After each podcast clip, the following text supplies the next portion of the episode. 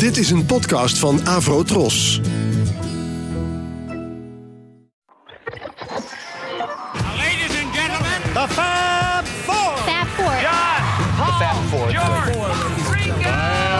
Fab Four. Fab Four. We have for you the Fab Four. Fab Forecast. While we're on the subject of wearing black to a funeral, it's time for four mop tops from Liverpool who changed the course of popular music and cut into the heavy sugar. Babies in Black by the Beatles. Oh dear, what can I do? Baby's in black and I'm feeling blue. Tell me, oh, what can I do? She thinks of him and so she dresses in black. And though he'll never come back, she's dressed in black. Oh dear, what can I do? Baby's in black and I'm feeling blue. Tell me, oh, what can I do? I think of her, but she thinks only of him. And though it's only a whim, she thinks of him.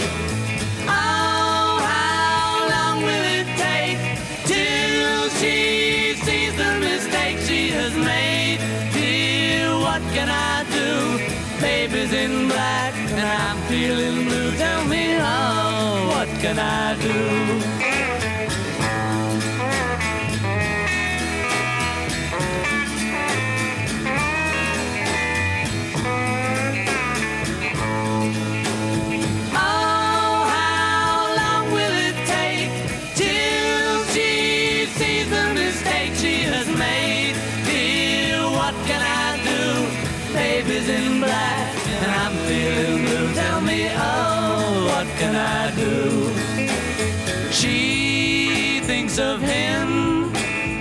So she dresses in black.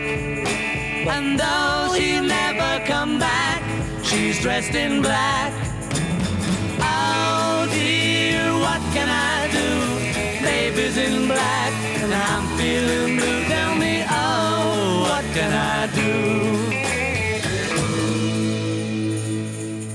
That was Babies in Black by the Beatles from their Beatles for Sale record. Though you people in America probably have it on Beatles 65. Babies in Black and I'm Feeling Blue on Theme Time Radio Hour. One, two. Fab Forecast. Ja, zo'n mooie radiostem heb ik ook weer niet als deze man. His Bobness, Robert Zimmerman, Bob Dylan, die in een van zijn Theme Time Radio Hours dus opende met, of niet opende met, maar in ieder geval het nummer Babies in Black van de Beatles speelde. Ehm, welkom Uit luisteraars. welk jaar is dit, eh, Michiel? Oh, wanneer hij dit, eh, nou, ergens eh, pff, een paar jaar geleden. Oh ja. Toch? Ja. Ja. Ja, wel minder dan tien jaar geleden. Ja, ja. Ja. Het is wel een karikatuur van zichzelf bijna. Hè? Ja, nou, daar- komen we nog op, Jan Kees. Dat-. Ik weet dat het jouw stokpaardje is, maar dat, dat, eh, dat, dat komt nog. Ehm, Ja. eh, Luisteraars, welkom bij een nieuwe aflevering van Fab Forecast. Mijn naam is Michiel Tjepkema. Ik heb deze show een beetje voorbereid als moderator. En we gaan het hebben over de relatie tussen de Beatles en Bob Dylan. Ehm, ben je een beetje fan van, eh, van Dylan, eh, Jan Kees? Nou, jawel. Ik vind, sommige nummers eh, geweldig. Ik, ik, ik ben meer een fan van zijn 60 jaren eh, muziek dan, Ja. dan van later. Hè. Die, die hele christelijke periode, daar, daar kan, die kan ik niet goed hebben. Maar eh, ja, en het is natuurlijk een fenomeen. Laten we wel zijn. Ik bedoel, het is natuurlijk hè, het is, geweldig. Ik bedoel, als je hem nu ook weer hoort, ik moet, er, ik moet erom lachen, maar ik vind het wel heel erg leuk. Ja. Ja. Ja. Kan jij, Wiebo, kan jij eh, Bob Dylan ook in deze fase heel goed imiteren? Of ben je vooral goed in de, in de vroege Dylan? Eh, ik ben meer de vroege Dylan, ja. Ja? Ja, ja. Hier moet ik toch echt eh, ik denk 20 jaar voor gerookt hebben om zo'n stem te krijgen. En dat, ja, dat doe ik niet. Dus ja. Want dat spelletje Wie is de Bob, is dat echt afgelopen of loopt dat nog steeds? Nee, dat is afgelopen, ja. ja ik heb dat bij de Roadshow, eh, eh, denk ik, twee seizoenen gedaan, zo in de zomer. Dus allemaal bekende eh, popklassiekers, zoals, eh, nou ja, eh, Wham of eh, Duran Duran, dat soort dingen. Dan op zijn Bob Dylan's Ja. zongen. En dan moesten luisteraars gaan raden welk liedje dat was. En dat was op zich wel een heel populair spelletje en heel leuk om te doen. Maar ik denk dat, dat het nu wel een beetje klaar is. Akkoord. Ik heb alles akkoord. gehad. Nou, wij gaan eh, stilstaan bij de relatie tussen, tussen de Beatles en, en Bob Dylan. En we doen dat in twee afleveringen. Want ja, als iets wel duidelijk is geworden, dan is het zo dat eh, de relatie tussen Dylan en George eh, ja, zo, zo omvangrijk is. Dat, zijn zo, dat, dat is zoveel jaren allereerst al, maar ook zoveel materiaal. Dat daar een andere, een tweede aflevering aan gewijd zal worden. En in deze aflevering doen we eigenlijk alles wat, eh, wat overblijft. En gaan we natuurlijk ook stilstaan bij die beroemde avond, of wat was het eigenlijk namiddag van 28 augustus 1964, dat de Beatles voor het eerst een, een joint met marihuana rookten samen met, eh, met Bob Dylan. Ehm, wat gaan we doen? We gaan in ieder geval wat nummers draaien waarin de invloed van eh, Dylan op de Beatles te horen is. En omgekeerd. Eh, dat is niet zo makkelijk, maar invloed van, van de Beatles op Bob Dylan.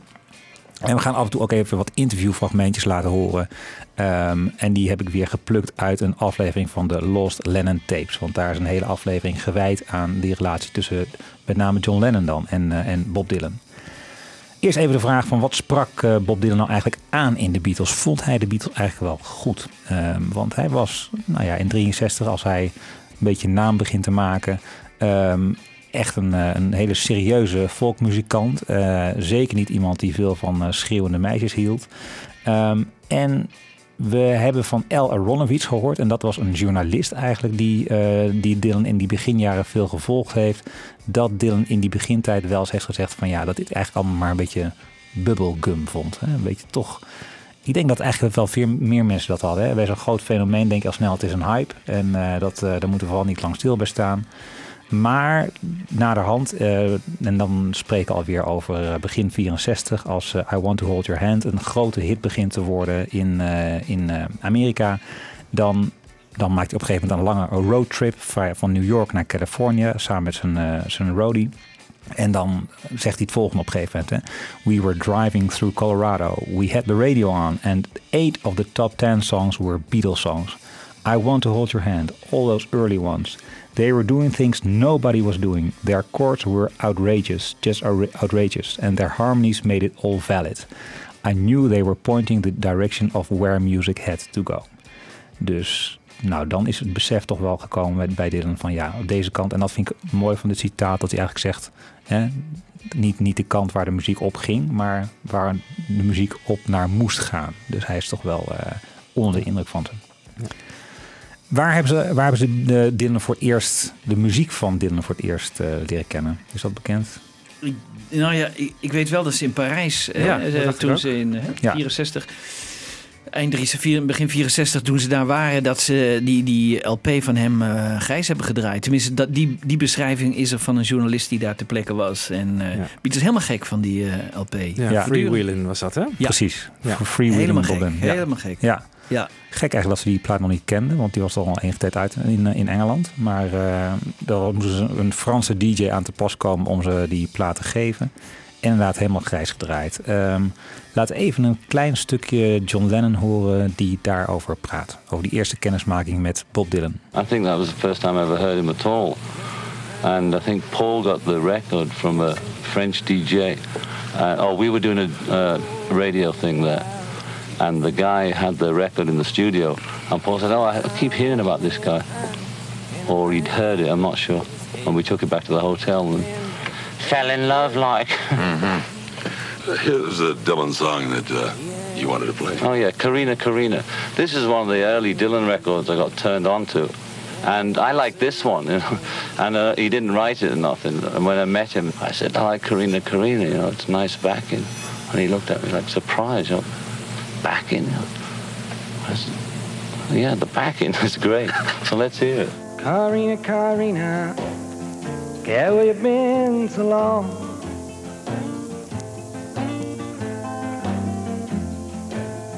Karina, Karina, yeah, where you been so long? I've been worried about you, baby. Baby, please come home. Ja, Leuk. grappig hè, dat die, eh, als je naar die plaat kijkt, daar staan echt nou, allemaal klassiekers, zeg maar, popklassiekers op Blowing in the Wind, uh, Hard Rain Gonna Fall. Uh, en dan kiest Lennon zo'n ja, toch wat onbeduidend volkliedje uit als een nummer wat voor hem helemaal eruit springt. Hij bedoelt waarschijnlijk die gitaar, hè? Die, ja, uh, de backing, de backing ja. hè? Een beetje dat Spaanse Fingerpicking of zo lijkt het bijna. Ja. Het is, dat sprak hem dus aan. Wat leuk. Later Ja. ging je het zelf doen, hè? Ja, later in India. 68, maar dat duurde nog Ja, jaren. Dear Prudence uh, moet ik dan aan denken. Maar Ja, ja, ja. dat is nog even weg. Ja, leuk. Nou, heel goed. Uh, laten we ook nog even een heel klein stukje horen, want Dylan komt natuurlijk ook ter sprake in de anthology. Dan gaan we naar de andere Beatles. Yeah, we started to meet meet these these these people who'd really just been in newspapers and on film. You know, we actually were rubbing shoulders with them. He was one of them. He was our idol. Bob was uh, Bob was our hero. Not an idol, but we just heard his record. As I said, we listened to his album and it really gave us a buzz and we played it constantly over and over and over again. I mean, I heard of Bob through John. Uh, he'd played the records to me, and it was just it was just great. I think it was freewheeling. We love Bob Dylan. Nou, in ieder geval goed om te horen dat, uh, dat Dylan dus een ja, grote indruk maakt op eigenlijk op alle Beatles zou je kunnen zeggen. Uh, maar vooral John en George zijn er helemaal weg van. Uh, en nou, dat zullen we in deze aflevering ook nog zien, want vooral John zal hier veel aan bod komen. En wat eigenlijk opvallend is, is als je dus weet dat het in januari 64, dat ze het voor het eerst mee kennis maken, dan moet het leeuwdeel van de opnames voor Hard Day's Night nog komen. Uh, maar op Hard Day's Night hoor je die invloed eigenlijk nog helemaal niet. Hè? Dat, dat heeft even, zeg maar, een soort ja, inzinktijd nodig. Pas in, in het najaar, als hij echt wat, uh, wat nummers voor Beatles voor sale gaat schrijven, dan, dan komt Dylan, de Dylan invloed echt op. En het nummer waarin dat het duidelijkst is, is natuurlijk... I'm a loser. Precies. um, I'm a loser. Laten we het daar eens even over gaan hebben. Want um, wat, wat, wat, allereerst, wat sprak John nou aan in Dylan, denk, denken jullie? Wat was het? Natuurlijk een beetje het literaire, de literaire achtergrond die Dylan ook had, denk ik. Ik denk dat je over je, je gevoelens kan uh, zingen. Ja. In plaats van over uh, dat je verliefd bent op een meisje en dat je met haar uit wil en handjes vasthouden. Ja, dat je gewoon je, je kwetsbaarheid bloot kunt leggen in een, in een liedje. Ja. Ja. ja. Maar dat, dat, dat zou ook mijn eerste gedachte zijn, want dat was het voordat ik deze show voorbereidde. Ja. Maar is Dylan nou, staat die nou erg bekend omdat hij zijn persoonlijke gevoelens in zijn liedjes liet blijken? Want het was eigenlijk toch veel meer dat hij gewoon literair was. Hè? Literair en poëtisch in zijn nummers. Um, mooie metaforen gebruikte, lagen aanboorde die niet direct ja. te ontdekken waren. Maar vergeet niet, bij Dylan ging het ook voor het eerst niet alleen over uh, ik hou van jou Precies. en jij houdt van dat, mij. Hè? Ja. Ja. Uh, wat waar bij de Beatles nog tot lange tijd uh, door bleef gaan. En dat was natuurlijk ja. ook een opener. Hè? Van, het kan ook ergens anders over gaan. Je, je kunt ook iets... Ja. iets maatschappelijks. Iets maatschappelijks, maatschappij kritisch. En daarnaast uh, dat je alleen met een gitaar eigenlijk uh, zo'n impact kan hebben. Dat, ik denk dat dat ook wel de ogen van John heeft geopend. Hè? Ja. Want dan, later komen McCartney en Len ook solo alleen met gitaar spelend gewoon naar voren. En dat is hè, zonder die groep, uh, of met die groep maar licht op de achtergrond. Ja, maar zo meteen gaan we You've Got To Hide Your Love bewegen. Dat ga je daar ook heel duidelijk op denken. Dat is eigenlijk ja. al bijna een solo Lennon nummer eigenlijk. Hè? Dat is met een fluitje erop de Dus dat is eigenlijk uh, al zo'n heel duidelijk uh, voorbeeld ervan. En ik denk dat hij dat, dat ja, er, er, waren dus meerdere dingen die ze in Lennon zagen, of in, uh, in Dylan zagen. En, en, en zijn protest eigenlijk zijn, ja, het was natuurlijk iemand die, die tegen het establishment aantrapte eigenlijk. En, en ook in alles wat, wat, wat veel En dat sprak hun natuurlijk ook dat aan. sprak hun enorm ja. aan. Ja. Dat sprak ze aan, maar dat, ja. dat deden ze zelf niet, toch? De Beatles. Nee, dat, dat zijn ze, nee, dat zijn ze eigenlijk dat zijn ze eigenlijk pas op latere hè, leeftijd gaan doen. Hè. Ja. Dat, dat heeft ook enige tijd. Alles heeft bij die Beatles inderdaad. Nou ja, dat was Brian Epstein natuurlijk, die hun gewoon uh, ja. zo compact uh, hield en gewoon uh, geen, geen raar woord moest nee, ze mochten niks over Vietnam zeggen of zo, nee. dat soort dingen. Nee. Dus, dat, maar ze hadden daar wel een mening over, maar dat mocht niet geuit worden. Dus daar hebben ze nog lang aan die leiband, hebben ze nog lang gelopen. Maar ze zagen natuurlijk dat die Dylan daar zich niks van aantrok en die had geen manager die hem hè, kort hield. Ja, en die had dat image ook niet. deed wat hij nee. wilde. En dat was natuurlijk iets, hè, leven de vrijheid. En dat, dat is natuurlijk echt iets, ook iets voor Lennon natuurlijk. Ja. Geweldig. Nou, het grappige het komt eigenlijk een beetje samen in die periode. Want Dylan, zo wordt de plaat van Dylan in januari voor het eerst. En een paar maanden later, op 23 maart 1964, heeft John een in- interview eh, naar aanleiding van zijn boek In His Own Right met ene Kenneth Alsop. Ken je die naam? Nee. Nee. ik, ik, Nee. Nou, grappig is daar, de- de- hè, als je veel over de Beatles leest, dan, eh, dan hoe, hoe sommige feitjes wel beklijven en andere niet. Want deze naam, ja, voordat ik dit voorbereidde, was me ook niet direct opgevallen. Maar het staat toch in veel boeken beschreven. Dat was een journalist voor een, een schrijver voor de Daily Mail. En ook wel iemand die op de BBC eh, ehm, TV eh, veel aanwezig was. En die zegt op een gegeven moment, eh, niet echt op tv, maar wel in de, zeg maar, na, na afloop van een interview, dat hij eigenlijk een beetje teleurgesteld is in de teksten van de Beatles tot dan toe. Hij zegt van ja, ehm, als ik nou zo'n boek in his own right eh, lees en zie wat je allemaal kan, dan ben ik toch een beetje teleurgesteld in eh, de kwaliteit van je teksten. Je moet veel meer jezelf blootleggen eigenlijk dan je nu tot nu toe doet. En ehm, dat was voor Lennon pas echt een trigger. Dus zeg maar die persoonlijke kant aanboren. En wat, waar eigenlijk, wat eigenlijk later het handelsmerk van hem werd Ja. natuurlijk. Hè? Ik bedoel, Ja. als, als iemand altijd veel over zichzelf heeft gegeven, dan is Lennon wel. Ja. Dat kwam eigenlijk vooral eh, door die Kenneth Alsop. Dus gewoon een, een, een of andere gast, een, een interviewer van een, journalist van, Van de de BBC. Daily Mail. Ja, Dus die is eigenlijk meer verantwoordelijk voor I'm a Loser dan Nou, voor, voor, nou ja, kijk, Dylan. Dylan. is zeg maar meer de kant van ja, je kan ook iets anders doen dan alleen maar eh, eh, Ja. liedjes over ik hou je handje vast. Ja? Ehm, maar het hele persoonlijke, dat komt volgens mij veel, meer van die opmerking van Kent Alsop. En dat heeft Lennon ook later eh, zelf erkend. Laten we eerst even naar de hele versie van I'm a Loser luisteren. En daarna wat Lennon over dat nummer te zeggen heeft. I'm a loser. I'm a loser. And I'm not what I appear to be. Of all the love I have won or have lost, there is one love I should never have crossed. She was a girl in a million, my friend. Should have known she would win in the end. I'm a loser, and I lost someone who's near to me. I'm a loser, and I'm not what I appear to be.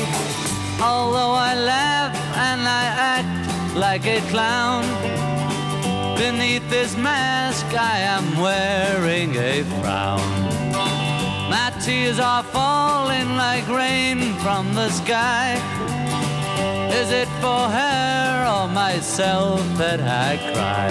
I'm a loser, and I lost someone who's near to me. I'm a loser, and I'm not what I appear to be.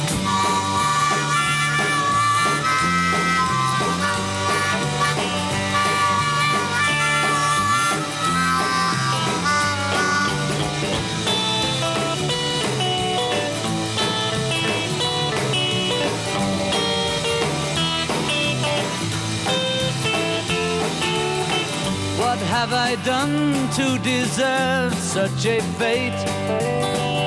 I realize I have left it too late. And so it's true, pride comes before a fall. I'm telling you so that you won't lose all. I'm a loser, and I lost someone who's near to me. I'm a loser, I'm not what I appear to be.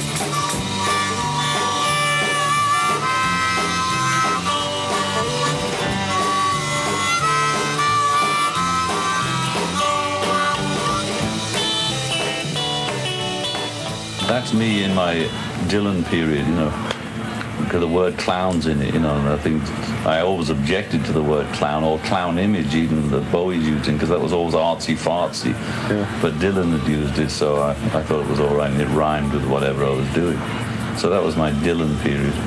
It's part of me th- suspects I'm a loser, and the other part of me thinks I'm God Almighty. It's that bit, you know.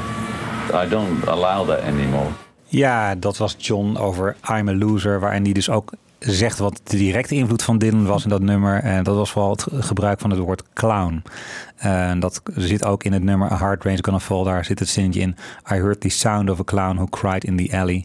En hij vond eigenlijk dat eh soort woorden waren not done. Maar eh, dat gebruikt hij hier dus doodleuk wel. Ehm, later heeft hij toch ook een soort alternatieve zin gebracht bij de BBC-versie van dit nummer. Wat zegt hij dan ook alweer? Beneath... This beneath- wig. Ja. Oh ja. I'm wearing a Ja. crown. Ja, zoiets. Nou ja. Ja. Nou, hoe dan ook, ehm, horen we hier eh, dus ja, Lennon die zich al breekbaarder opstelt. Eh, aardig is dat McCartney daar later in zijn boek Many Years From Now ook over, over heeft geschreven. Wat, dat hij zegt van nou eigenlijk destijds, zegt hij, merkten we dat niet zo. Valt het niet zo op dat Lennon zich hier... Ja, eh, hoe je moet je even voorstellen. Je bent dus een mega-artiest. Alle bladen schrijven over je. Je wordt geadoreerd door eh, miljoenen mensen. En je zegt, je, je durft gewoon op de plaats zetten dat je een loser bent. En eh, nou, dat, was, dat zegt McCartney over. Nou ja, het is toch wel vrij dapper van, eh, van John dat hij dat toen al, eh, al durfde. Gaan we nu even stilstaan bij eh, ja, die meeting van Dylan en de Beatles in het Delmonico Hotel in New York op 28 augustus 19, eh, 1964. Ze hebben dan eh, twee shows gespeeld. Eh, de hele stad is zo'n beetje eh, ja, op slot voor ze. Ze hebben zich maar weer teruggetrokken in hun eh, hotelkamer. En ehm, ja, daar weet op een gegeven moment diezelfde Al Aronovich, dus die, eh, die journalist die eh, veel met Dylan optrok, die weet zich door de massa heen te wurmen en eh, die neemt zijn, eh, zijn roadie mee. Dat was Victor uh, Maimoudes.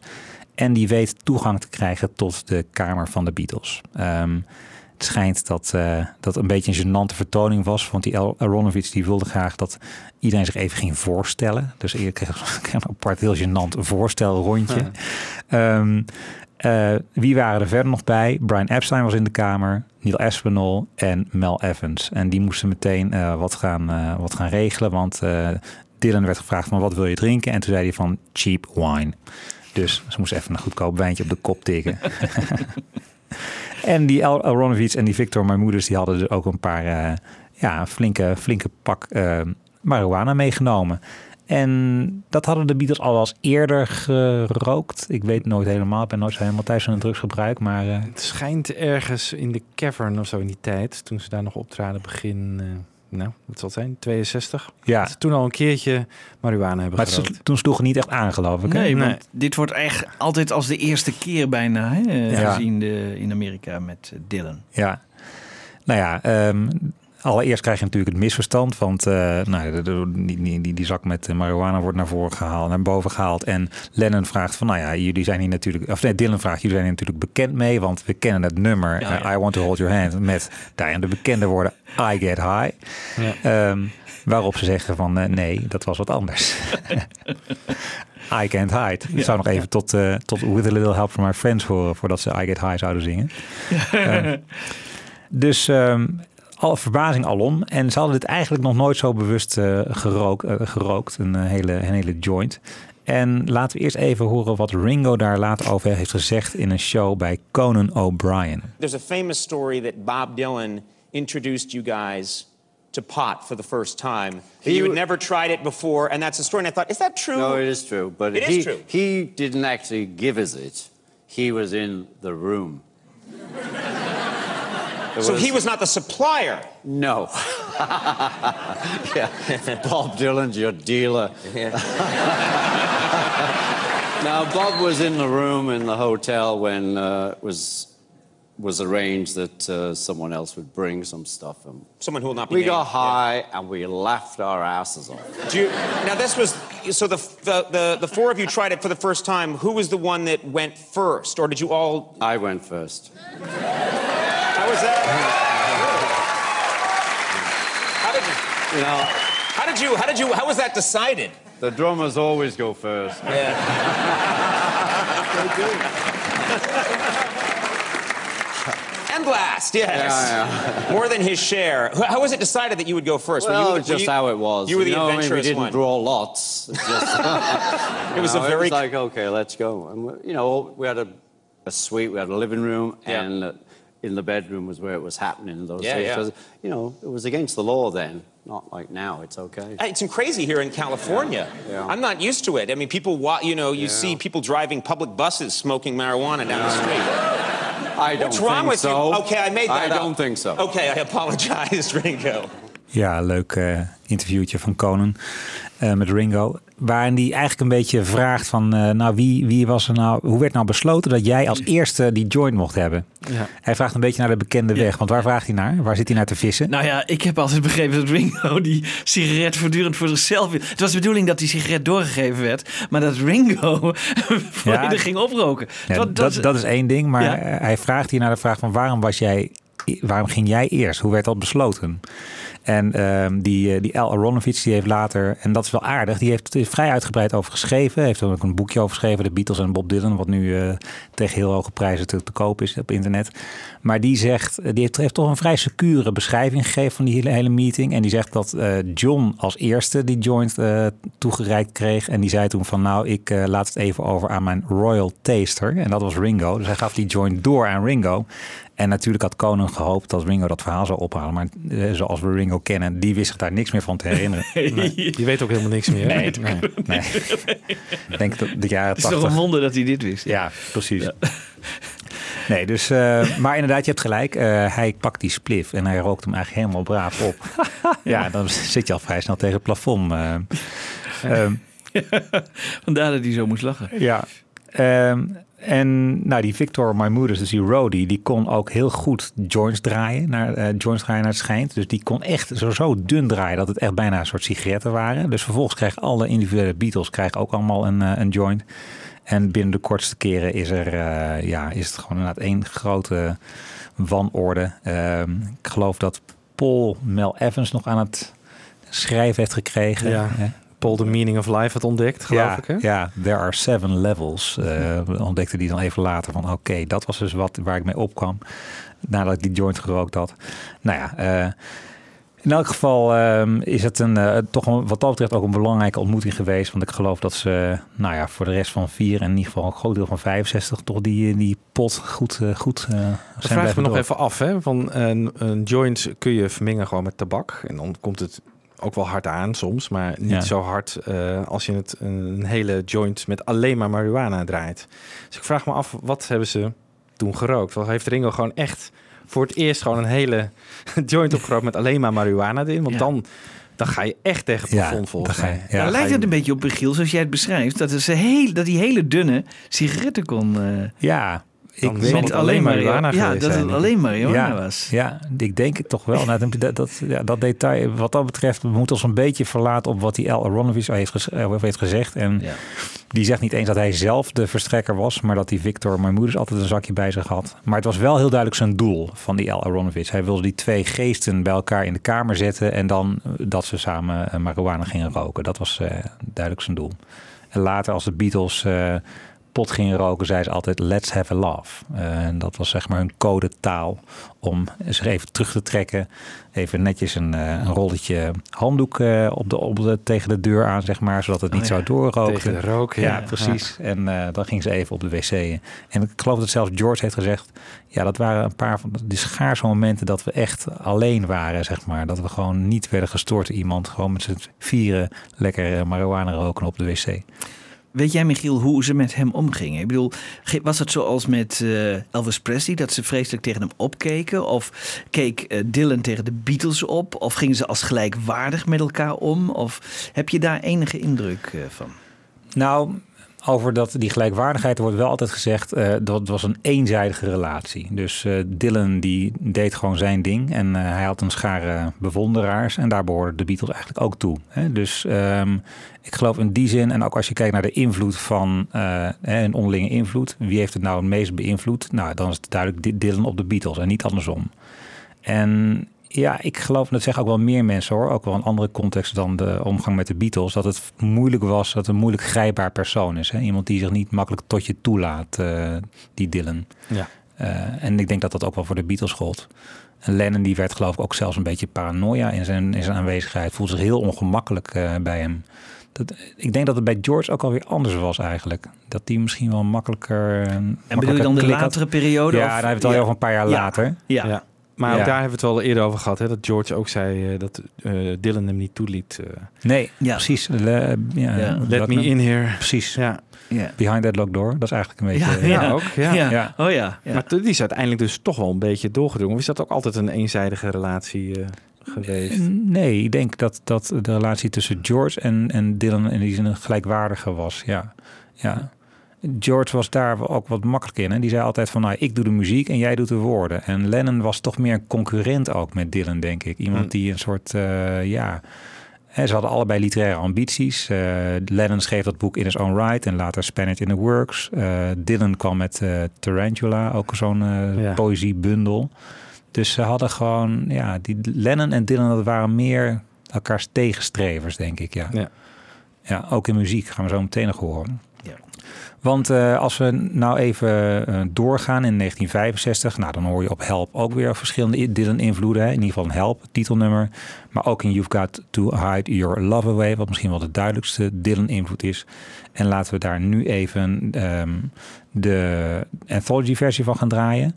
Waar, waar zit voor jullie de duidelijkste Dylan-invloed in, in dat nummer? You've Got to Hide Your Love Ja, een beetje dezelfde stem. Hey, Ja. you got, Ja. weet je, dat, Ja, ja. Ja. dat, dat Ja. vind ik echt eh, heel Dylan. Precies. Plus natuurlijk dat hij alleen op de gitaar speelde. Wat voorheen nog niet gebeurd was, dacht ik. Hè? Nee, daarvoor nog niet. Eh, Misschien dat ook wel een Lennon beetje dat- alleen zo, hè, een beetje dat... eh, Misschien ook wel een beetje dat zes achtste maat. Een beetje zo'n walsachtig Ja. dingetje ja, erin. ook dat. Ja. Ook wel een beetje dat. Dylanesk. Ja, Maar ik hoor wel meer ook op, als ik naar Help luister, dan ook op een nummer als It's Only Love bijvoorbeeld. Inderdaad, de frasering die wordt een beetje anders. Hè? Dus als hij zacht zingt, dan gaat hij een klein beetje als Dylan klinken, John. ja. En eh, bij bij de andere Beatles zie je dat eigenlijk niet. Nee. Nou, kom maar door. One, two, three, one, two, three. Hold on, hold on. Now, I'm just going to raise this so as it's nearer the bass strings than the top string. Pause broken at last, broken at last, pause broken at last, at last, at last, he's broke today.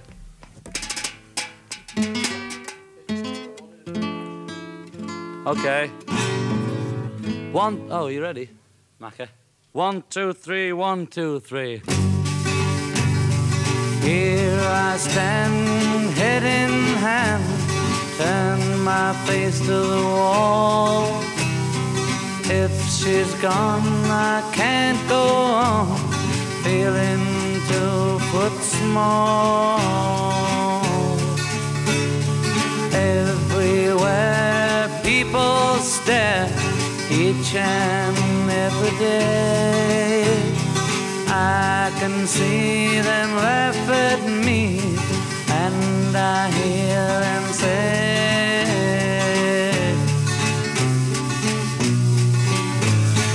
Hey, you've got to hide your love away.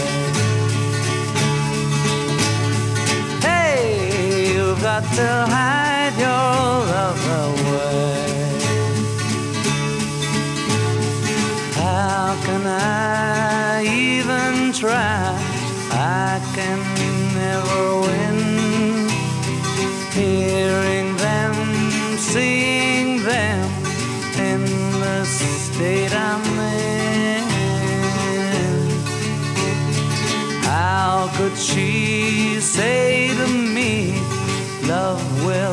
find a way? Gather round, all you clowns, let me hear you say.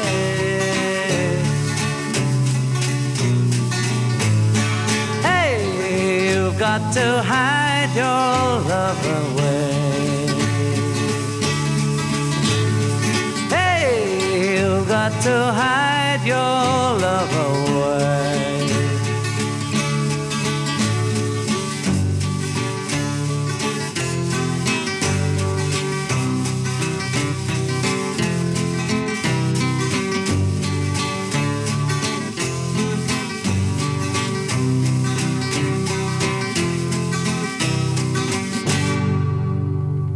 Ja, de anthology-versie van You've Got to Hide Your Love Away zonder de tamboerijn en zonder de fluit. En jij, jou viel nog wat op, eh Wibo? Ja, hij zingt weer, weer over clowns. Ja, dus, nou, hij, eindelijk weten we te herkennen wat de invloed is van Ja, de clown. het woord clowns.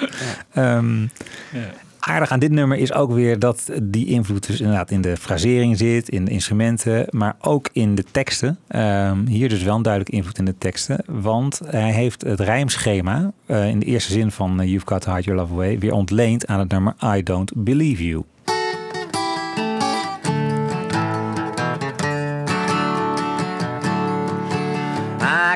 understand. She let go of my hand and left me here facing the wall. Ja, de woorden hand en wall, die ook voorkomen dus in You've Got To Hide Your Love Away. Nou, goed. Dat viel op een gegeven moment ook, eh, ook Dylan zelf op. En dat is aardig om even op te wijzen. Ehm, in 65 komt natuurlijk ook nog eh, Rubber Soul uit. Daar zitten ook wel weer duidelijk Dylan- Dylan-invloeden in. Moeten denken aan, denk ik, In My Life, hè, Norwegian Wood. En Nowhere Man denk ik ook wel. En dan valt dat, begint dat Dylan zelf ook een beetje op te vallen. Dat is wel aardig. Die zegt van ja, wacht even. We hebben nou I'm a Loser gehad. We hebben You've Got To Hide Your Love Away gehad. Norwegian Wood. En die gaat dan zelf zeggen van nou ja, we hebben... En, en, en nog één andere factor. We hebben in ieder geval vier momenten gehad waarop Lennon... en die vierde factor is een beetje onduidelijk... maar vier momenten waarop Lennon Dylan een beetje imiteert. En daar gaat Lennon dan zelf op het album Blond on Blond... een nummer op, over schrijven. En dat nummer heet Fourth Time Around. Dylan bedoel je waarschijnlijk? Sorry, zei ik dat? Dylan. Ja, heel, heel fijn dat, eh, dat er nog twee uh, co-presentatoren zijn. eh. Wij letten op hoor. Ja, heel goed. Die gaat dus een eigen een nummer schrijven voor Time Around. Het staat op Blond en Blond uit, uit 66. En dat is eigenlijk een soort parodie, een soort speelse parodie van het nummer Norwegian Wood. En dat zit in de I en de she figuur. Dus telkens eh, I once had a girl, she once had me. Nou, dat hoor je in Norwegian Wood. Dat hoor je ook terug in Fourth Time Around. Ehm, en een beetje in de melodie ook. Het is echt best wel een, eh, een hele duidelijke... ja, wat is dit nou? Is dit nou inspiratie of is het nou een soort parodie? Ik denk vooral dat laatste. Eh, maar kunnen we het zo meteen even over hebben. Laten we dat nummer even horen. Fourth Time Around.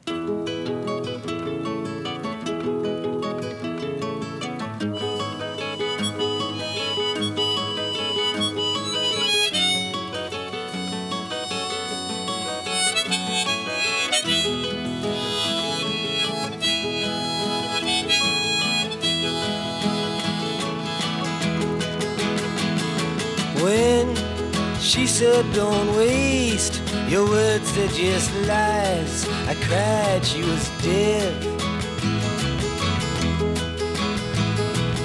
Hey, she worked on my face until breaking my eyes and saying, What else you got left?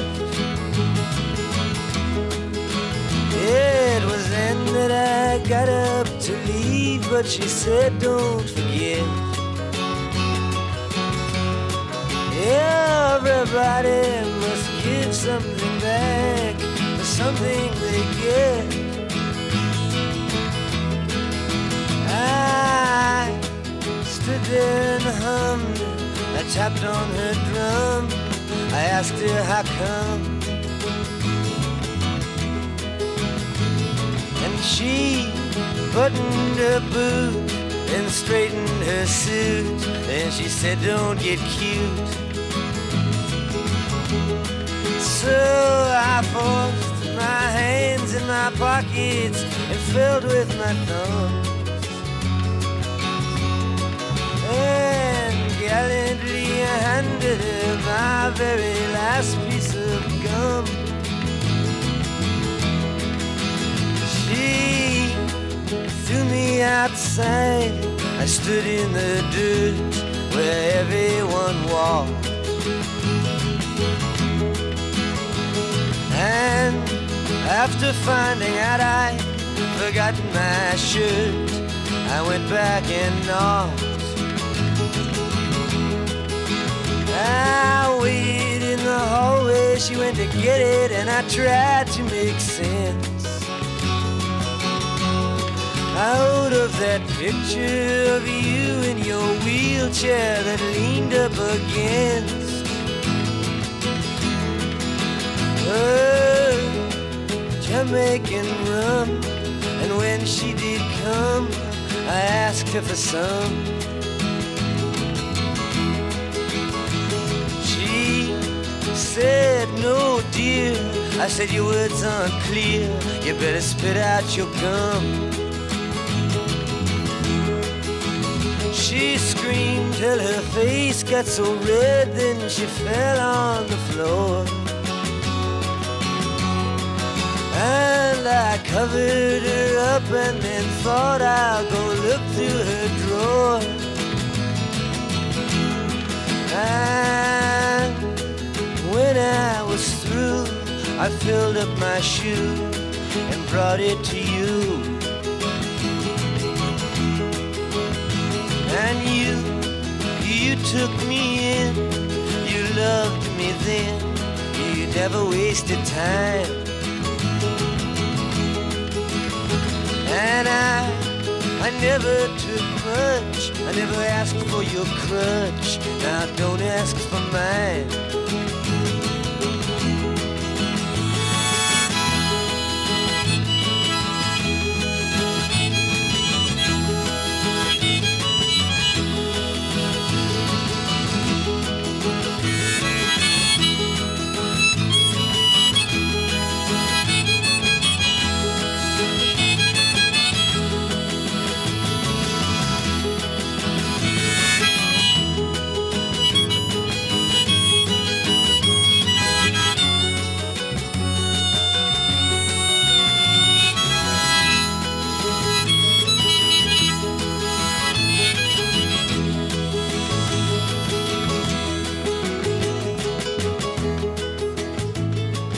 Ja, we hadden net even over die eh, toch wat paranoïde houding van Lennon tegenover Dylan. En het schijnt dat dit nummer daar toch nodig aan heeft bijgedragen. Want die hij vroeg zich af van ja, wat is dan die vierde keer dat ik eh, werd beïnvloed door Dylan? Zou dat het moment zijn geweest dat ik die, die Dylan hoed op had bij A Hard Day's Night? Hè, die op een gegeven moment gewoon snel weer van het toneel verdween. Het schijnt ook dat de andere Beatles hem een beetje belachelijk maakten dat hij zo'n Dylan adept was. Ehm, hoe dan ook, eh, daarna is het toch met de hele duidelijke Dylan-invloed ook wel een beetje weer snel afgelopen. Wat, wat, zit, wat herinneren we aan latere Dylan-invloeden bij Lennon in de Beatles-tijd? Ehm, in Your Blues natuurlijk. Ja, Dylan's Mr. Jones. Precies, komt er nog even Ja. langs. Ehm, volgens mij bij de Let It Be tapes spelen ze nog een keer Rainy Day Woman. Ja, Maar dat zijn kleine dingetjes. kleine dingetjes. Ja, dat is ook wel weer aardig. Hè? Dat zegt, eh, dat had niet alleen te maken met Dylan, die, die Lennon dus ook een klein beetje in de zijk nam. Maar eh, McCartney heeft dat later ook wel gezegd over, eh, over Lennon. Ehm, dat doet hij in de allereerste Mojo die er ooit verscheen in 1993. Die, die kent een soort Dylan-Lennon eh, special. En ehm, daarin zegt hij, ja, Lennon was altijd, als hij een idool had, waren het altijd idols with feet of clay. Dus hè, eh, idolen met, een, eh, met, met voeten van klei. Dus dat hele, die ado- adoratie van iemand die hij heel goed vond, dat had altijd een hele wankele basis. En ik denk dat dat wel waar is. Want hè, Lennon was altijd erg van, nou, ik vind die, vind die ontzettend goed. En dan loopt hij er enorm mee teleur. Is hij Ja. enorm enthousiast. Maar op een gegeven moment is hij verveeld. Of eh, dan heeft hij, nou, Ja. is hij toe aan iets anders. Bijvoorbeeld de Maharishi of dat. Precies. Ja, ja. en dan, ja. ja. of Magic Alex moet ik Ja, dan ook aan Magic denken. hè? Alice, Daar komt hij ja. mee. Ja. Eh, de- deze man die heeft echt een geweldige studio en die kan alles voor ons doen. En eh, iedereen moet met die man eh, praten en moet er wat mee. Ja. En op een gegeven moment eh, wordt hij bij het grof vuil gezet. Is Ja. het gewoon genoeg. Ellen Ja. Klein, ja. Ja, en Ja. een klein, ja, precies. Ja, ja. Dus dat is wel een soort, eh, ja, dat is wel grappig gezegd, ja. Maar dat klopt inderdaad. ja. Laten we ook mooi zien hoe goed eh McCartney Lennon eigenlijk kende. hè. Ja. Ehm, gaan we even, hebben we nu even zeg maar, de muzikale invloeden van, eh, van Dylan op de Beatles wel voor het grootste deel denk ik afgehandeld. En dan is even de vraag van was het nou ook omgekeerd? Dat vind ik al een stuk lastiger, want daarvoor was eh, Dylan toch al veel te veel ja, toch autonoom. En, echt iemand die helemaal zijn eigen geluid had en zijn eigen ding deed. Ehm, maar het schijnt dat, eh, ja, schijnt dat, dat waar haal ik het weer weer vandaan? Ja, eigenlijk gewoon van Wikipedia, maar toch te aardig om niet even te laten horen. Ehm, het nummer Obviously Five Believers, ook weer van Blond on Blond. Ehm, daarin horen we een heel klein gitaarriffje uit She's a Woman.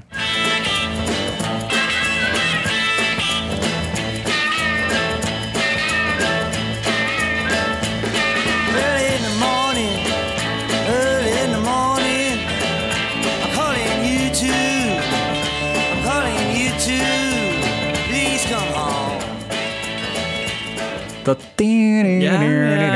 Nou ja, goed. zou het kunnen. zou kunnen. Ja. Ja. Maar verder is het moeilijk... eh, Valt niet onder plagiaat. Nee. Nou, er is ook iemand, een biograaf van Lennon, die heeft gezegd dat het nummer Rainy Day Woman van Dystonia, na, na, na, een beetje Ja. die luiheid in dat nummer, dat het ook een beetje Lennon-achtig eh, zou, eh, door, Len, door Lennon zou zijn beïnvloed. Ja, ja. Nou, kleine dingetjes, kleine dingetjes. Ja, maar eh, Dylan zei dus wel, aan het begin van de uitzending zei je dat, eh, hij was ervan overtuigd dat de muziek eh, nu door de Beatles zou worden beïnvloed. Ja. dus ook zijn muziek waarschijnlijk. Of ging dat niet op? Hij ging toch zijn eigen gang? Ja, ik vind dat moeilijk te zeggen. Kijk, hij, hij is natuurlijk op een gegeven moment elektrisch gegaan. En daarvan verschillen de meningen ook. Dus sommigen zeggen van ja, dat hij elektrisch ging. dat hij die, zijn akoestische gitaar aan de wil ging. Dat is ook door de Beatles beïnvloed. Maar ik wens dat toch wel te betwijfelen. Dat was eigenlijk pas halverwege 65 dat hij eens een keer die, eh, die optredens doet. En eh, dat Bringing It All Back Home zit dat al in, hè, die plaat. Ik denk dat het meer door de Birds kwam. Dat Ja. die zijn nummers gingen elektrificeren. Ja. Oh ja. En dat hij dacht van, hey, Hey, Dat klinkt goed. Tambourine Man, ja. Ja. Ja. ja. Ging Dylan nou ook naar concerten van de Beatles? Dat weet ik niet. Volgens mij niet. Wat, wat, maar misschien was hij wel in New York hoor. Dat zou best wel kunnen. Er staat volgens mij is er wel ergens een foto van Dylan die in het concert ehm, van inderdaad augustus eh, 64 daar ergens buiten staat. Misschien is hij toch wel daar ook aanwezig geweest. Zou me niet verbazen. Wat wel zo is dat John en George die zijn aanwezig geweest bij het bekende Judas eh, concert in, eh, in Londen in de Royal Albert Hall. Hè? Ja. Ja. Maar eh, nog even over die vraag van jou: van werd Dylan nou hè, Beïnvloed. beïnvloed, muzikaal gezien? Ik, eh, Dylan heeft geen Sgt. Pepper gemaakt. Als de Beatles Sgt. Pepper maken, dan maakt hij eh, John Wesley Harding. En Ja. dan de heel Nashville Skyline een beetje Totaal dat, wat anders, Totaal ja. wat anders dan Ja. wat iedereen doet eigenlijk. Dus in die ja. tijd kwamen ook de basement tapes, die worden dan ook opgenomen, die nu net weer zijn, of weer, maar zijn uitgebracht in hun volledigheid. ja. Ja. Volgens mij zei Dylan ook, eh, want Paul McCartney die liet Sgt. Pepper toen ook horen aan Dylan. Hè? En toen heeft eh, Dylan daar zo naar geluisterd. Eh, die liep geloof ik ook de kamer uit waar Paul echt Ja. helemaal verbouwereerd door was. Van hoe kan je hier nou bij weglopen? Ja. En toen, voordat hij wegliep, zei hij nog, ah, I get it, you don't want to be cute anymore. Ja, precies. Ja, dat schijnt. eh, ja, ja, ja.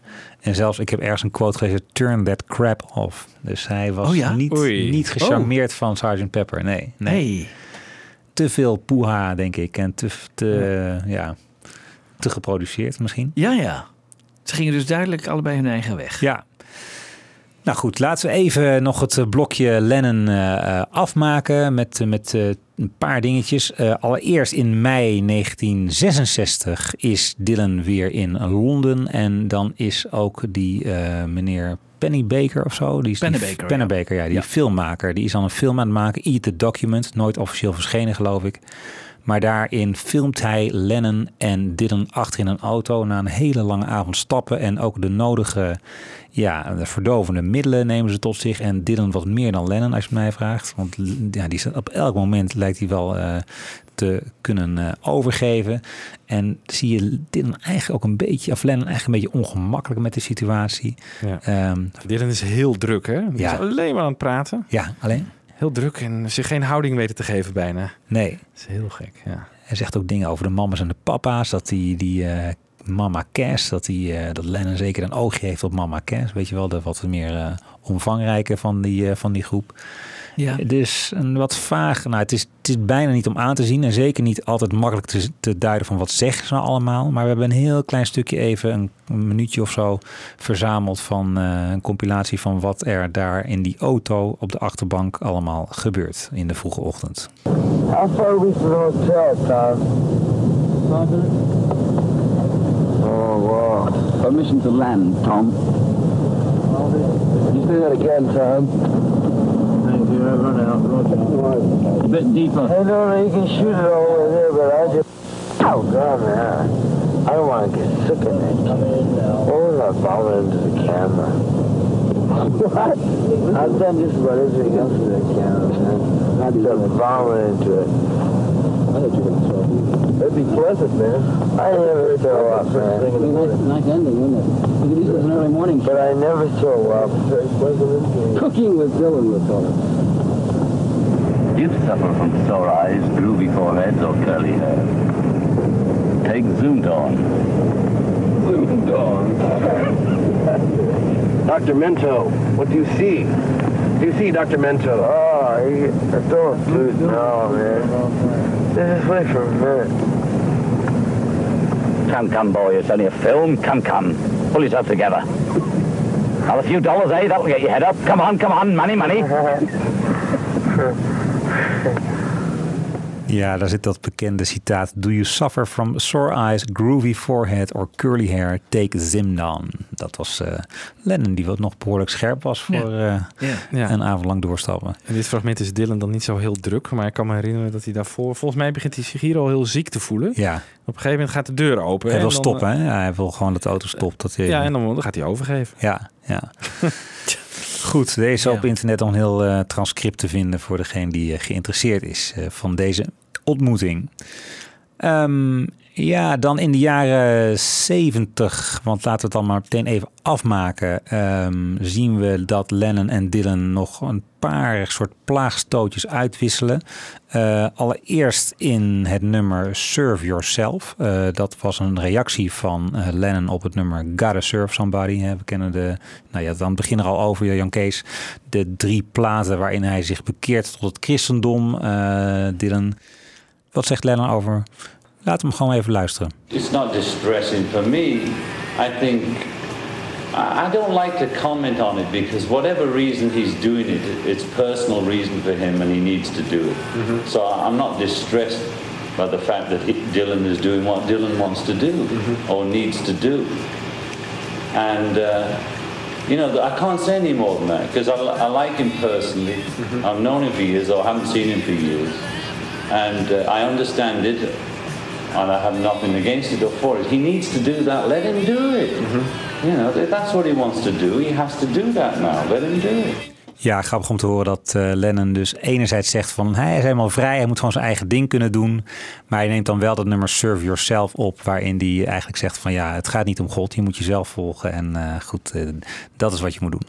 Ehm, laten we dan... Wat denk je nou dat Lennon echt... Wat is de echte Lennon? Ja. Is dat het nummer of is dat deze tekst?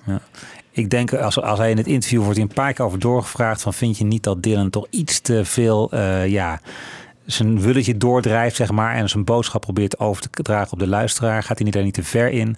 En Lennon ver- verdedigt hem echt met hand en tand. Die zegt echt van nee, het is gewoon wat, wat hij wil doen. Hij, eh, hij moet zijn ding kunnen doen. En als hij zo, daar nu zo in het leven staat... dan eh, laat hem daarin vrij. Hij is een artiest en eh, dat is Dylan zoals hij nu is, punt.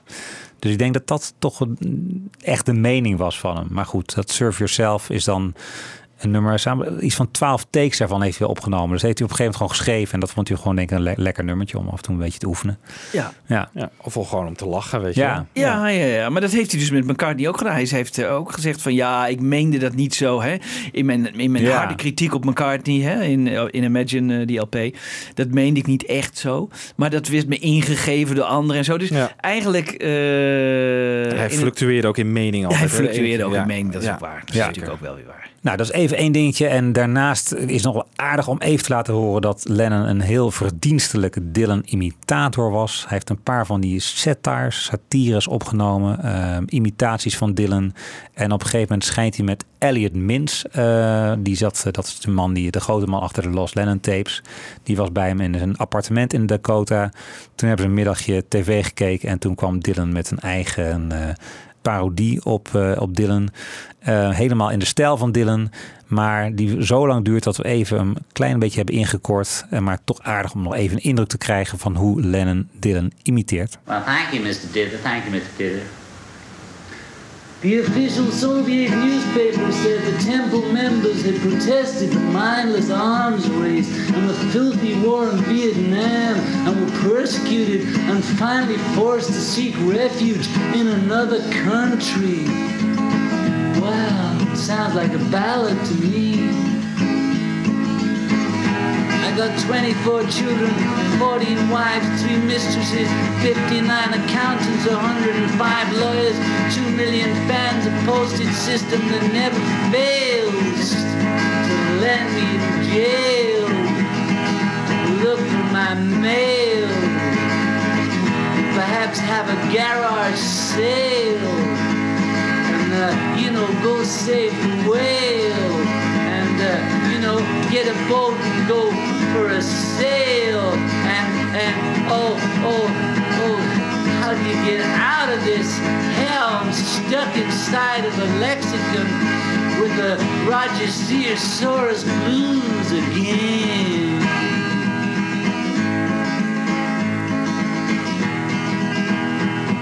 Sometimes I wish I was just George Harrison, you know, got all answers.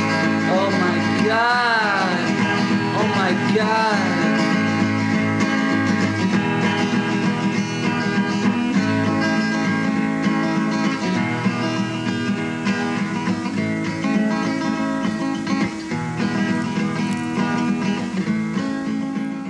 Ja, hij is een verdienstelijke imitator. Ja. Zeker.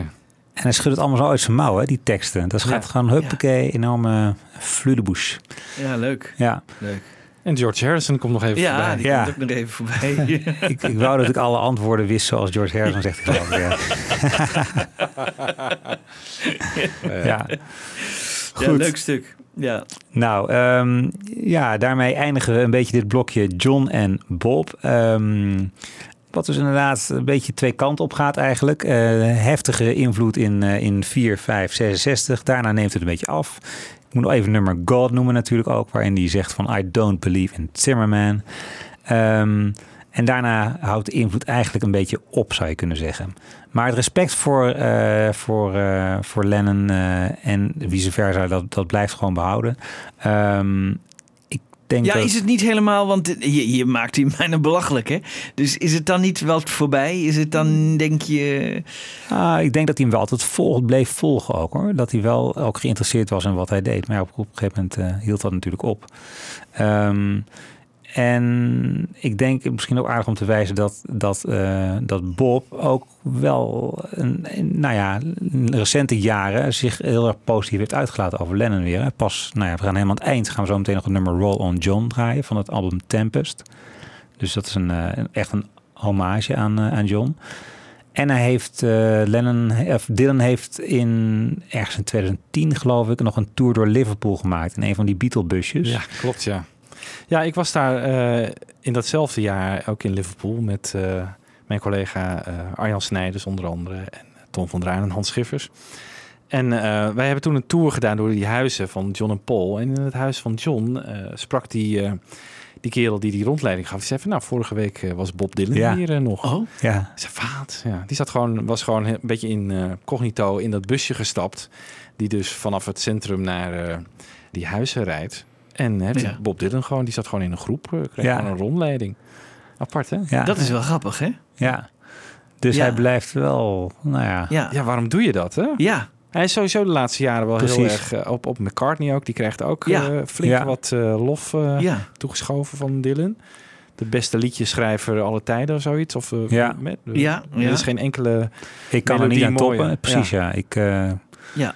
Nou, ik denk dat hij ook wel meer bezig is met zijn verleden. Misschien ook wel met die boeken die hij nu af en toe ge- laat verschijnen. Ehm, interviews die hij geeft. eh, iets, iets vrijer in de ja, omgang met zijn verleden, denk ik, dan, dan die voorheen Ja. was. Ja. Behalve tijdens de concerten, volgens mij speelt hij nog maar twee eh, bekende nummers. En verder is het allemaal van de laatste 10, 15 jaar. Ja? Ja. Ja. En als je het hoort, dan herken je het pas na drie minuten of zo. Van, hey, Oké. dit is Mr. Tambourine Man. Ja. Oh ja.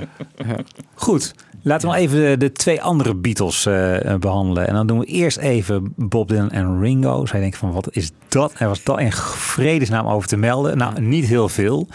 Behalve dan dat het nummer Heart of Mine staat op de plaat Shot of Love. Dat daar Ringo op, ja, eerst dacht ik op drums, maar niet eens op drums, want daar horen we iemand anders. Nee, maar wel op tom-toms te horen is. En Ron Wood speelt hier gitaar.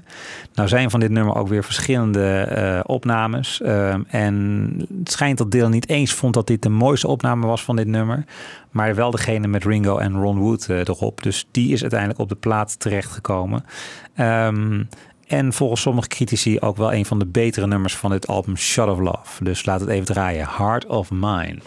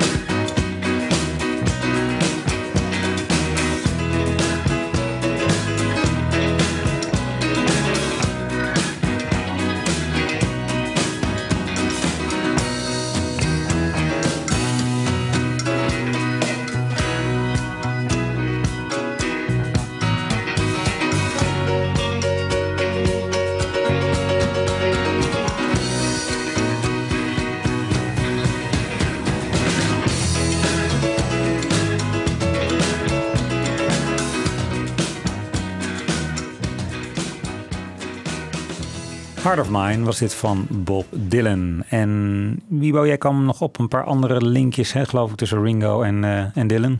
Ja, ja, ten eerste eh, zijn zowel John Lennon, George Harrison als Ringo Starr... ehm, die zijn naar het Isle of Wight festival geweest in 1969. Waar Bob Dylan optrad. Bij dat optreden zaten zij dus met z'n drieën in het publiek. En eh, Paul zat volgens mij op zijn boerderij in Schotland. En het was echt midden in die hele erge ruzietijd tussen eh, die twee kampen. Ehm, Ringo heeft later bij The Last Waltz nog zijn opwachting gemaakt aan het eind. Waar Bob Dylan ook op podium staat, volgens mij in een versie van I Shall Be Released. En Bob Dylan's Rolling Thunder Review, eh, zijn tour van rond 576. Eh, daar heeft Ringo ook aan meegedaan. Een keertje, ik denk eh, een keer een concert of zo meegespeeld. Want het was een soort komen en gaan van allerlei artiesten. Maar eh, dat zijn ook nog even kleine linkjes die we nog even moesten noemen. Heel goed. Leuk. Gaan we nog tot slot nog even eh, de relatie tussen Bob en Paul McCartney eh, eh, even een beetje eh, ja, uitdiepen. Analyseren. uitdiepen. Ehm, en dat is toch een stuk lastiger, hè? Want, eh, maar goed, misschien is het sowieso wel iets wat Paul eigen is. Laat zich niet snel, ja, laat zich natuurlijk wel snel beïnvloeden. Maar wat zou dat zijn? Dat hij Dylan niet echt tot zich laat komen. Misschien ook wel juist dat hij zo, aan, eh, zo literair was, zoveel met woorden bezig en McCartney dat minder was. Ja. Althans, daar een beetje zijn eigen ding in wilde blijven doen. Ja, Ehm, McCartney was toch echt meer de, misschien de muziekman, hè? De, de melodische man. Ja. En dat Ja. is Dylan toch Dylan niet? niet. Nee, Nee, is die is Dylan meer niet. eh, Ook niet, ook niet iemand van het muzikale, innovatieve eh, geluid of zo, hè? Nee. denk ik. Nee. Nee, McCartney is Ook dat wel. van de scherpe maatschappij, kritische... Nee. eh, hè, Wat dat betreft zou een samenwerking heel interessant zijn. Dat is de laatste jaren wel eens hè? een uitnodiging. eh, Ja, McCartney heeft dat wel eens gedaan. Hè? Ja. Ik zou nog eens met Zimmerman of met Dylan Ja. willen werken, maar het is er nog niet van gekomen. Nee. Nee, ik... eh, Hoe zou jij... ik weet het niet, ik weet Nou het ja, niet. ze zijn misschien nu te oud. Ze zijn allebei eh, hun stem bijna kwijt. Ja. ja, toch? ja. Ja, maar twee oudjes, hè? Allebei op de gitaar. Misschien Nou kan ja, het Als ze het op de Johnny Cash manier aanpakken, Precies. misschien Ja. dat het dan wel mooi kan worden. Ja. Kijk, je moet wel een beetje denken aan Early Days van het album New. En dat vind Ja. ik gewoon een beetje McCartney op die Johnny Cash manier. Dat, dat Ja. kan ik toch heel goed naar luisteren. Ook al is het zo breekbaar. En dat heeft Dylan toch ook wel. En denk ik, nou, dat, dat, dat zie ik nog wel voor me. Ja. Maar ik geloof dat die liefde ook niet bepaald wederzijds was. Als je eh, dat zeg maar vanuit Dylan redeneert. Die was ook niet echt een, eh, iemand die eh, McCartney enorm, ja, een enorme fan was van McCartney. Een bewonderaar. Althans, lange tijd niet.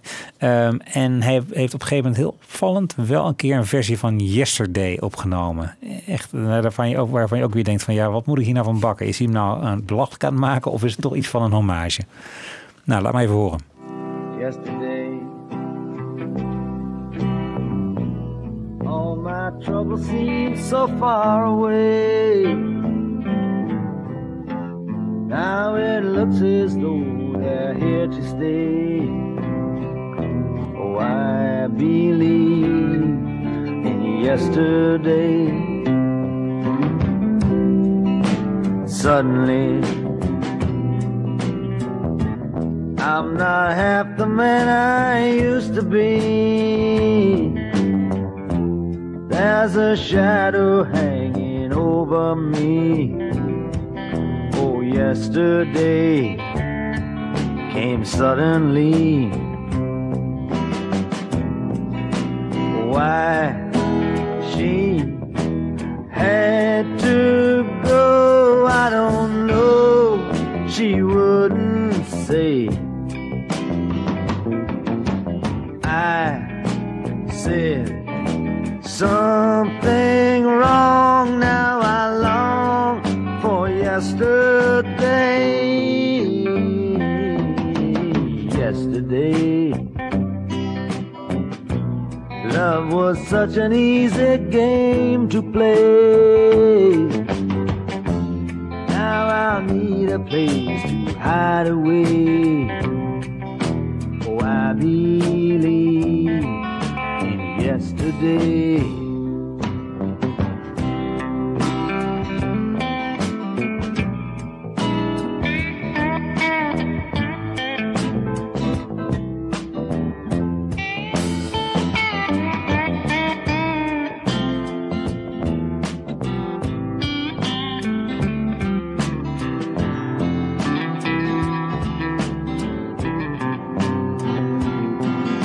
Why, why she had to go? I don't know. She wouldn't say.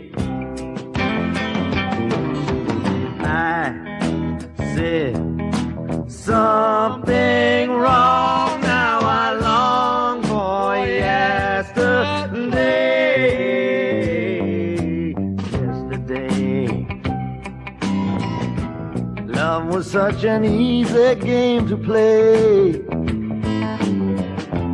Now I need a place to hide away. Oh, I believe in yesterday. Yes, I believe in yesterday.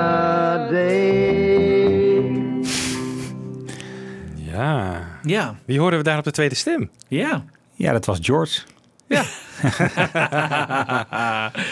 ja, dat is leuk, hè? Nou, dit was toch niet echt een parodie? Nee, het was geen parodie. Nee. Nou, hij idee. kon niet helemaal eh, de toonhoogte af en toe goed houden. Het was af en toe was het er tegenaan. En, maar Ja. hij deed het. Maar ik heb niet het idee dat hij nou echt een parodie maakt. Nee, ehm, ja, moet ik even toelichten. Waarom zeg ik dat? Eh, omdat Dylan heeft later een keer gezegd dat eh, hij dat nummer niet bewonderde, Yesterday.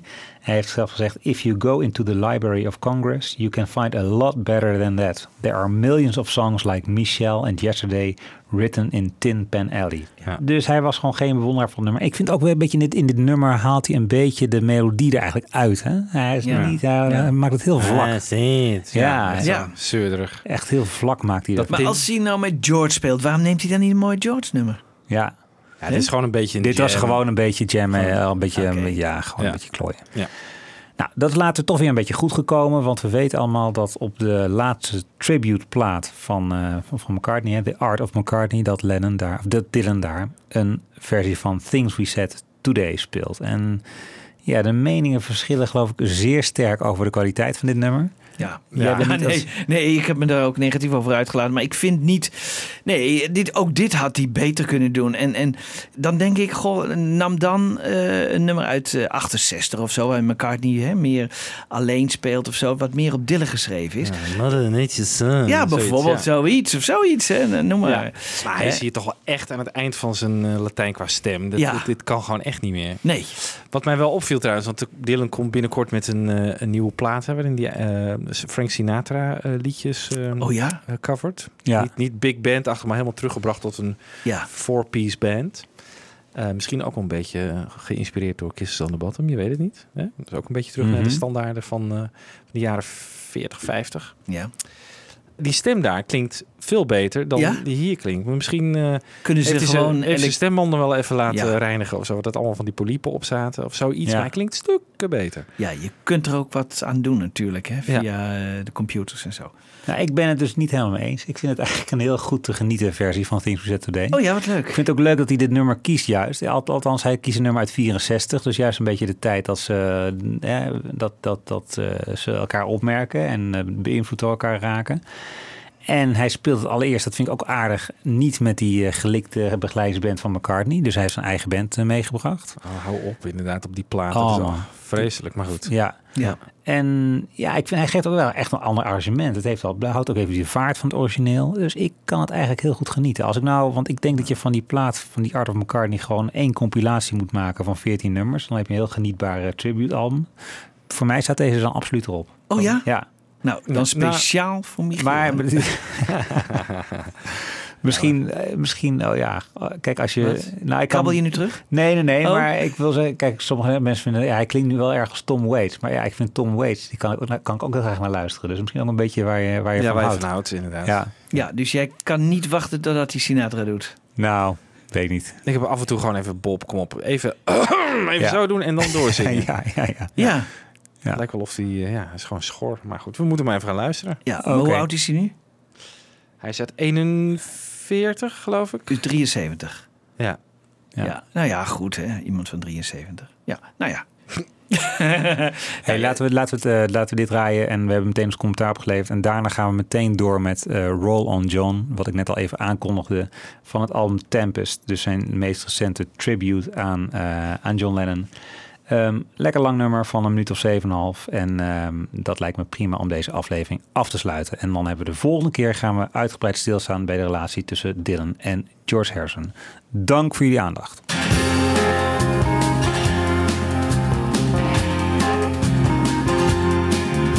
You say you will love me if I have to go.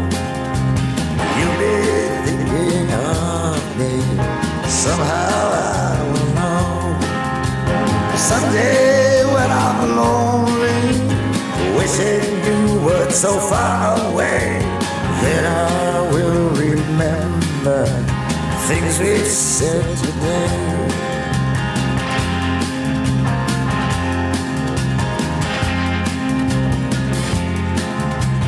You see, you'll be my girl till the end of time.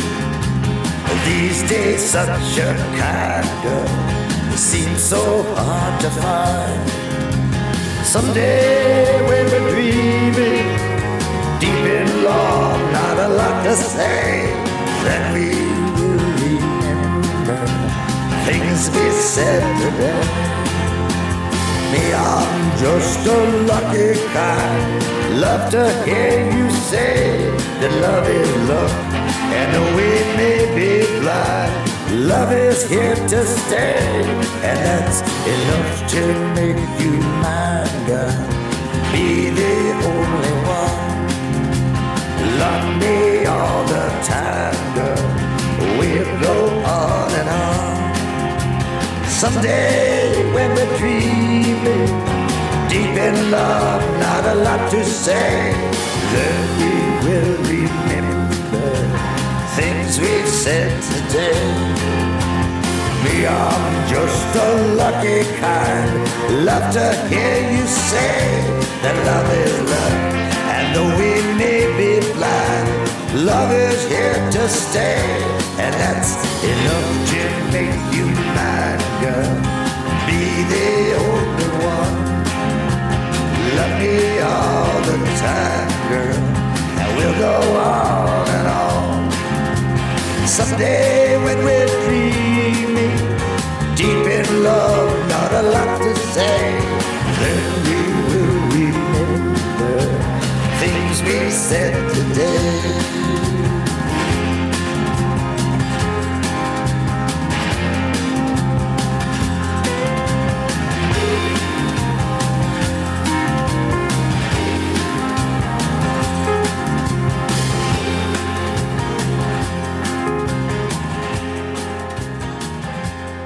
Forecast.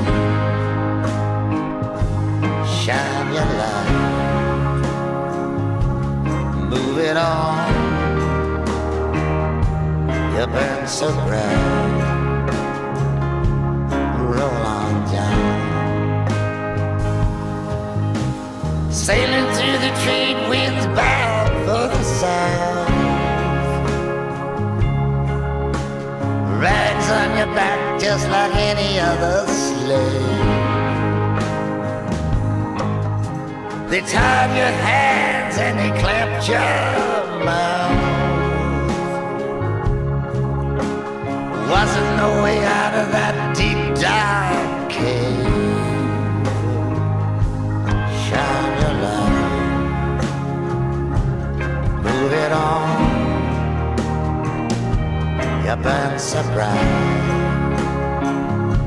roll on down. I heard the news today, oh boy. They hauled your ship up on the shore. Now the city gone dark, there is no They tore the heart right out and cut it to the core. Shine your light, move it on. You burn so bright.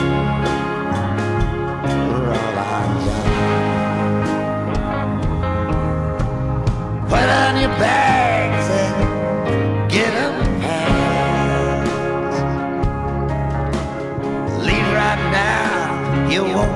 far from wrong. The sooner you go, the quicker you'll be back. You've been cooped up on an island far too long.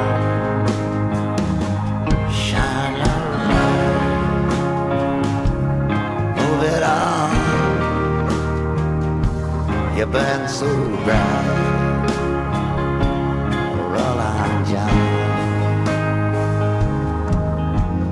Slow down, you're moving way too fast. Come together right now over me. Your bones are weary, you're about to breathe your last. Lord, you know how hard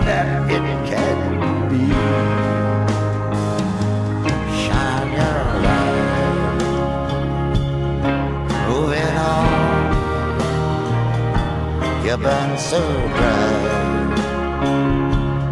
Roll on, John.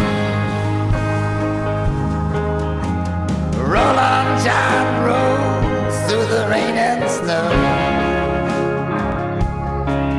Take the right hand road and go where the buffaloes go.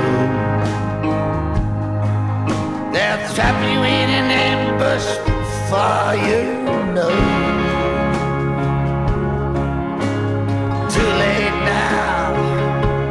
to sail back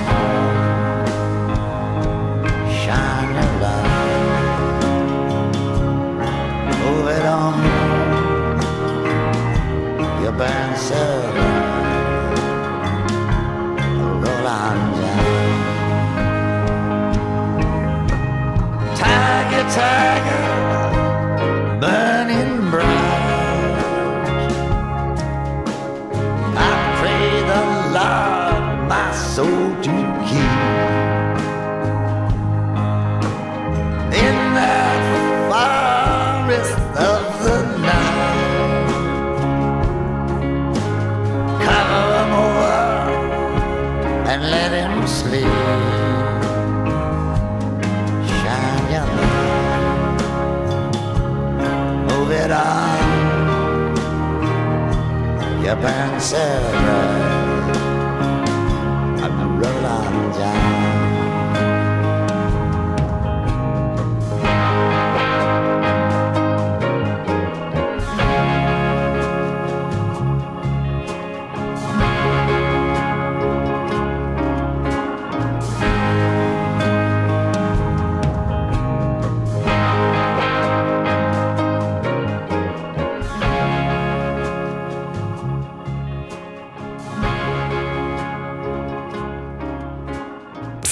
Forecast.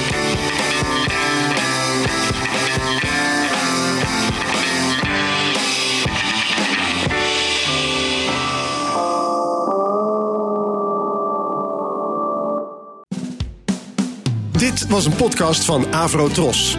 Wij maken tientallen podcasts per week. Van klassiek tot pop, van actueel tot archief, van reguliere radioshows tot speciaal voor podcast gemaakte programma's. Kijk voor meer podcasts op avrotros.nl.